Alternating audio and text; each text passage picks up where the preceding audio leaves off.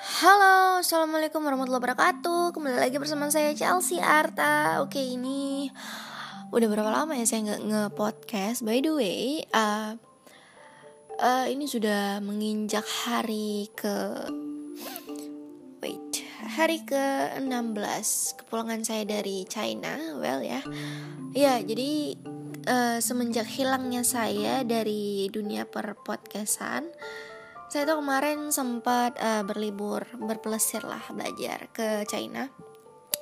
Untuk beberapa hari sama teman berdua. Terus juga sempat ke KL sempat juga ke Sarawak. Jadi ya yeah, it was a long journey. Sangat melelahkan tapi juga penuh penuh makna bisa bilang sih seperti itu iya jadi uh, jujur nih ya jujur banget. Itu hamin dua bulan sebelum ada planning ke China itu bener-beneran kalau uh, kalau aku boleh jujur to be honest itu nabungnya bener-bener dari rekening yang nol rupiah ya. Nabungnya bener-bener dari rekening yang nol rupiah karena kebetulan ada tiket murah itu pun ditalangin dulu sama temen. Ditalangin walhasil ya aku antara yakin gak yakin aja gitu kalau untuk join liburan ke China. Tapi ya udah Bismillah let's try. Jadi walhasil uh, tiketnya berhasil di booking nggak sampai dua bulan segala akomodasi penginapan tiket pesawat segala macamnya uh, lunas segala macam. Dan ya tinggal uang saku aja. Bahkan alhamdulillah uh, kalau boleh cerita lagi nih ya budget untuk winter trip aja itu udah lumayan mahal gitu kan. Tahu sendiri harga kuat berapa uh, belum lagi nggak cukup satu belum lagi ya banyak lah tetek bengeknya gitu kan. Karena aku pribadi memang nggak kuat dingin orangnya alergi dingin. Jadi di saat winter trip itu bener-bener aku kayak sebisa mungkin jangan sampai ada hal-hal yang uh, aku kurang terus menyulitkan diri sendiri terlebih lagi orang lain gitu kan. Jadi singkat cerita begitu Alhamdulillah atas izin Allah berangkatlah aku pada tanggal uh, eh, 16 Januari 20, 2020 ke Lanzhou China ya itu berangkatnya dari KL Alhamdulillah di perjalanan kali ini yang akunya nggak pernah sama sekali ke Kuala Lumpur sekaligus dikasih Allah hadiah. Ya sekalian lah melipir ke Kuala Lumpur walau kurang lebih dari 24 jam. Tapi itu uh, ya semacam almost all of the destinations in KL I've been there alhamdulillah atas izin Allah lagi.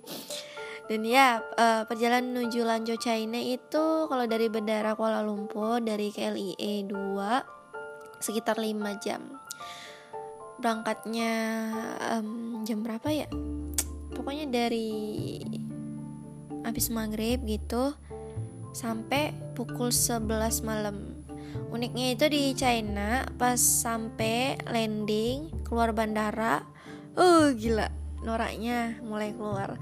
Kenapa sih gue bilang norak? Ya karena it was my first winter cuy gila. Keluar keluar pesawat uh, langsung kayak dingin banget ampun. Itu bener-bener dingin banget sih sekali ngecek suhunya gila. Minus 12 derajat oi. Biasanya kena suhu 35 derajat di Pontianak kayak kan? Tiba-tiba ke Cina kena suhu minus ya ambiar adek banget. Iya jadi keluar pesawat uh, noraknya keluar. Norak pertama itu di saat ngeliat asap keluar dari mulut. Ya elah. Ya wajar sih ya wajar norak lah baru pertama kali gitu kan. Jadi ya udah nih keluar. Menuju imigrasi. Ya first impressions uh, when I arrive into the airport. Ya kecil banget sih. Mungkin karena uh, kedat terminal kedatangan kali ya. Apa gimana uh, terminal perginya sih besar gede tapi terminal kedatangannya itu yang kayak kecil banget gitu loh kayak ini gue nggak salah tempat ya datang ke Cina ini gue datang ke mana sih? Gitu sempat berpikiran seperti itu kok kecil banget? Ini gue nggak salah destinasi kan? Iya gitu loh. Jadi ya udah nih snuzon. Dan kalian tahu nggak sih itu waktu di imigrasi kita jadi the last passenger jadi aku sempat jadi uh, penumpang terakhir di bandara di migrasi tepatnya. Bener-bener penumpang terakhir berdua sama Mary yang kerudungan. By the way aku perginya sama Mary temanku. Dan itu bener-bener petugasnya banyak tanya banget gitu loh. Uh, berhubung kami berdua berkerudung mukanya juga beneran asing. Dan kalau di China itu muka-muka Indo beneran muka-muka asing banget gitu jadi ya wajar sih kalau ditanya macam-macam takutnya kan. Nah jadi gini Lanco ini ternyata satu jalur dengan Xinjiang ya. Satu jalur sama uh, tempat di mana suku Uighur itu di ditahan gitu loh kan di Turkistan Timur atau Xinjiang. Kan bukan Xinjiang sih bacanya? Si anjing. Serius loh ini gue bacanya gitu beneran. Tapi orang sini banyak Xinjiang. Ya udah kita jawab Xinjiang aja lah ya. Ya jadi takutnya tuh mungkin mereka mencurigai bahwa aku dan Mary ini ada tujuan ke Xinjiang itu tadi. Karena kalau dari Lanco pakai kereta aja bisa. Dan dari Xinjiang biasanya para bule-bule itu uh, lanjut ke Kirgistan via darat. Tuh bisa banget. Uh, uh, langsung tembus ke Pakistan juga bisa sih kayaknya. Nah oke okay, balik lagi ke topik uh, walhasil tuh sekitar pukul 12 kami baru keluar dari bandara baru keluar dari imigrasi. Udah tau gak sih Di bandara itu bener-beneran udah sepi Karena kita bener-bener orang terakhir di bandara. You know di suhu minus 12 derajat itu ternyata di bandara bener-bener udah nggak ada siapa-siapa lagi udah nggak ada taksi. Dan qadarullah atas izin Allah sebelum hari keberangkatan Hamin berapa gitu ya saya sempat nyari kontak salah satu orang Indonesia yang uh, berkuliah di China tepatnya di Lanzhou. Dan pas banget kebetulan dia juga uh, mesenin kita taksi. Jadi kita nggak perlu lagi repot nyari taksi. Gila baik banget. Kasih banyak hamdan. Semoga jadi amal soleh anak soleh anak baik. Jadi uh, udah tuh. Dipesanin taksi. Uh, jadi aku dikasih nama sama Hamdan. Nah dikasih nama tulisan kanji gitu. Kalau dibaca bacaannya Wang Maili. Aku sempat tanya sama orang-orang apa orang sebangkuku. Itu cece-cece namanya Yana. Dia orang Lanco asli. Aku tanya aku bilang aku mau ke Lanco. Terus aku di aku dikasihin nama nih sama temen aku uh, dalam bahasa Chinese aku bilang gitu kan. Terus aku tunjuk aku terus aku tunjukin hanjinya gitu kan. Ini hanjinya aku bilang dia ketawa. Kenapa ketawa? Kataku gitu kan dalam bahasa Inggris. Kedarulah dia bisa ngomong bahasa Inggris. Dan orang China itu jarang banget ada yang bisa bahasa bahasa Inggris. Dan dia kebetulan dari Singapura. Dia ketawa. Aku nanya kenapa kamu ketawa? Kataku gitu kan. Hahaha itu artinya cantik gitu gitu oh really terus aku yang sem-sem gitu.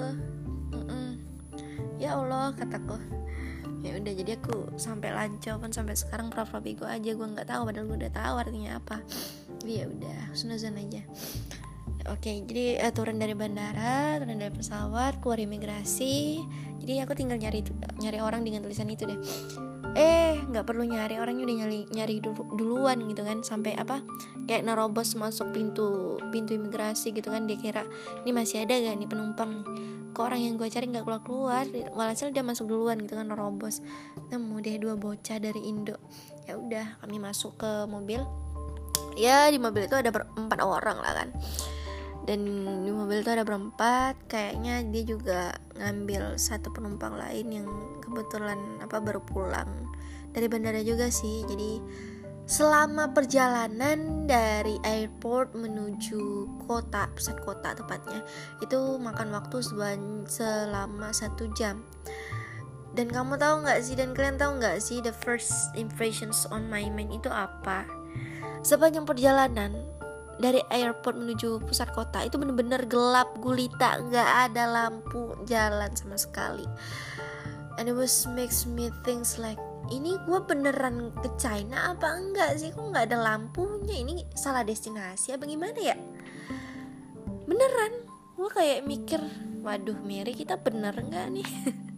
Karena serius loh ya. Sebelum ke Lanco itu researchnya susah sekali. Untuk mencari apa informasi tentang Lanco itu susah sekali.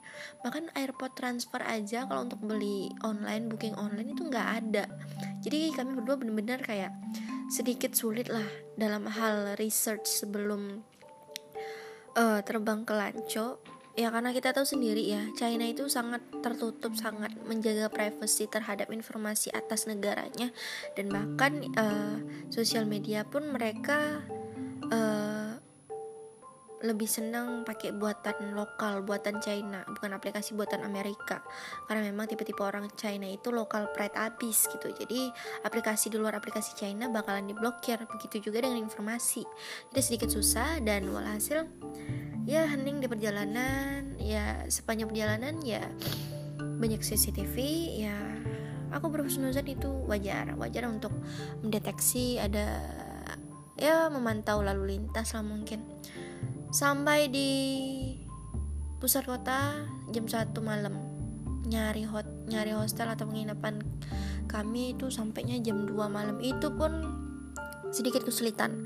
Sedikit kesulitan karena ternyata hostel kami itu berada di uh, apartemen orang gitu kan dan kudu masuk lagi ke dalam mana lagi gelap. Dan itu 50-50 perasaannya antara kita takut ditipu orang takut diculik orang takut ditelantarin karena mungkin uh, mungkin aku takutnya tuh aku ditakut ah aku tuh takutnya aku ditelantarin gara-gara mereka susah nyari alamat aku. Tapi kedarullah tuh si abang-abang taksinya tuh baik banget sumpah. Dia sampai keluar masuk uh, jalan keluar masuk mondar mandir cuman buat nyari alamat. Dan kalau bahasa Pontianak tuh gila sesehe itu gitu loh. Orang baik benar serius orang baik walaupun asing. Dan ternyata kata temenku si Hamdan itu itu orangnya pengen ngajak ngomong tapi nggak ngerti mau ngomong apa. Jadi ya udah diam aja sepanjang jalan. Aku tahu aja gitu kan. Ya sampailah kami di hostel tepat pukul 2 malam. Dan di hostel itu uh, ada dua kamar kamar cowok kamar cewek. Aku dan Mary nginep di kamar cewek yang di mana ada tempat dua tempat tidur bertingkat ya. Dan aku ya satu kasur lah sama Mary. Aku di atas Mary di bawah. And you know what is the most uh, annoying thing on our first night? Uh, at the hostel yaitu adalah di kamar tersebut tidak ada heater tidak ada penghangat ruangan. Dan Wow, itu merupakan kabar bagus yang cukup menyiksa saya karena pertama saya alergi dingin, kedua ini winter pertama saya, ketiga suhu di Lanco pada malam hari itu minus 12 derajat. And you know what happened? Saya tidur dalam keadaan kedinginan. Sekian terima kasih podcast ini. Saya bakal lanjut di podcast setelahnya. See ya, don't forget to share. Thanks for listening this podcast. Semoga bermanfaat. Sampai jumpa di podcast selanjutnya. Barakallahu fikum. Assalamualaikum warahmatullahi wabarakatuh.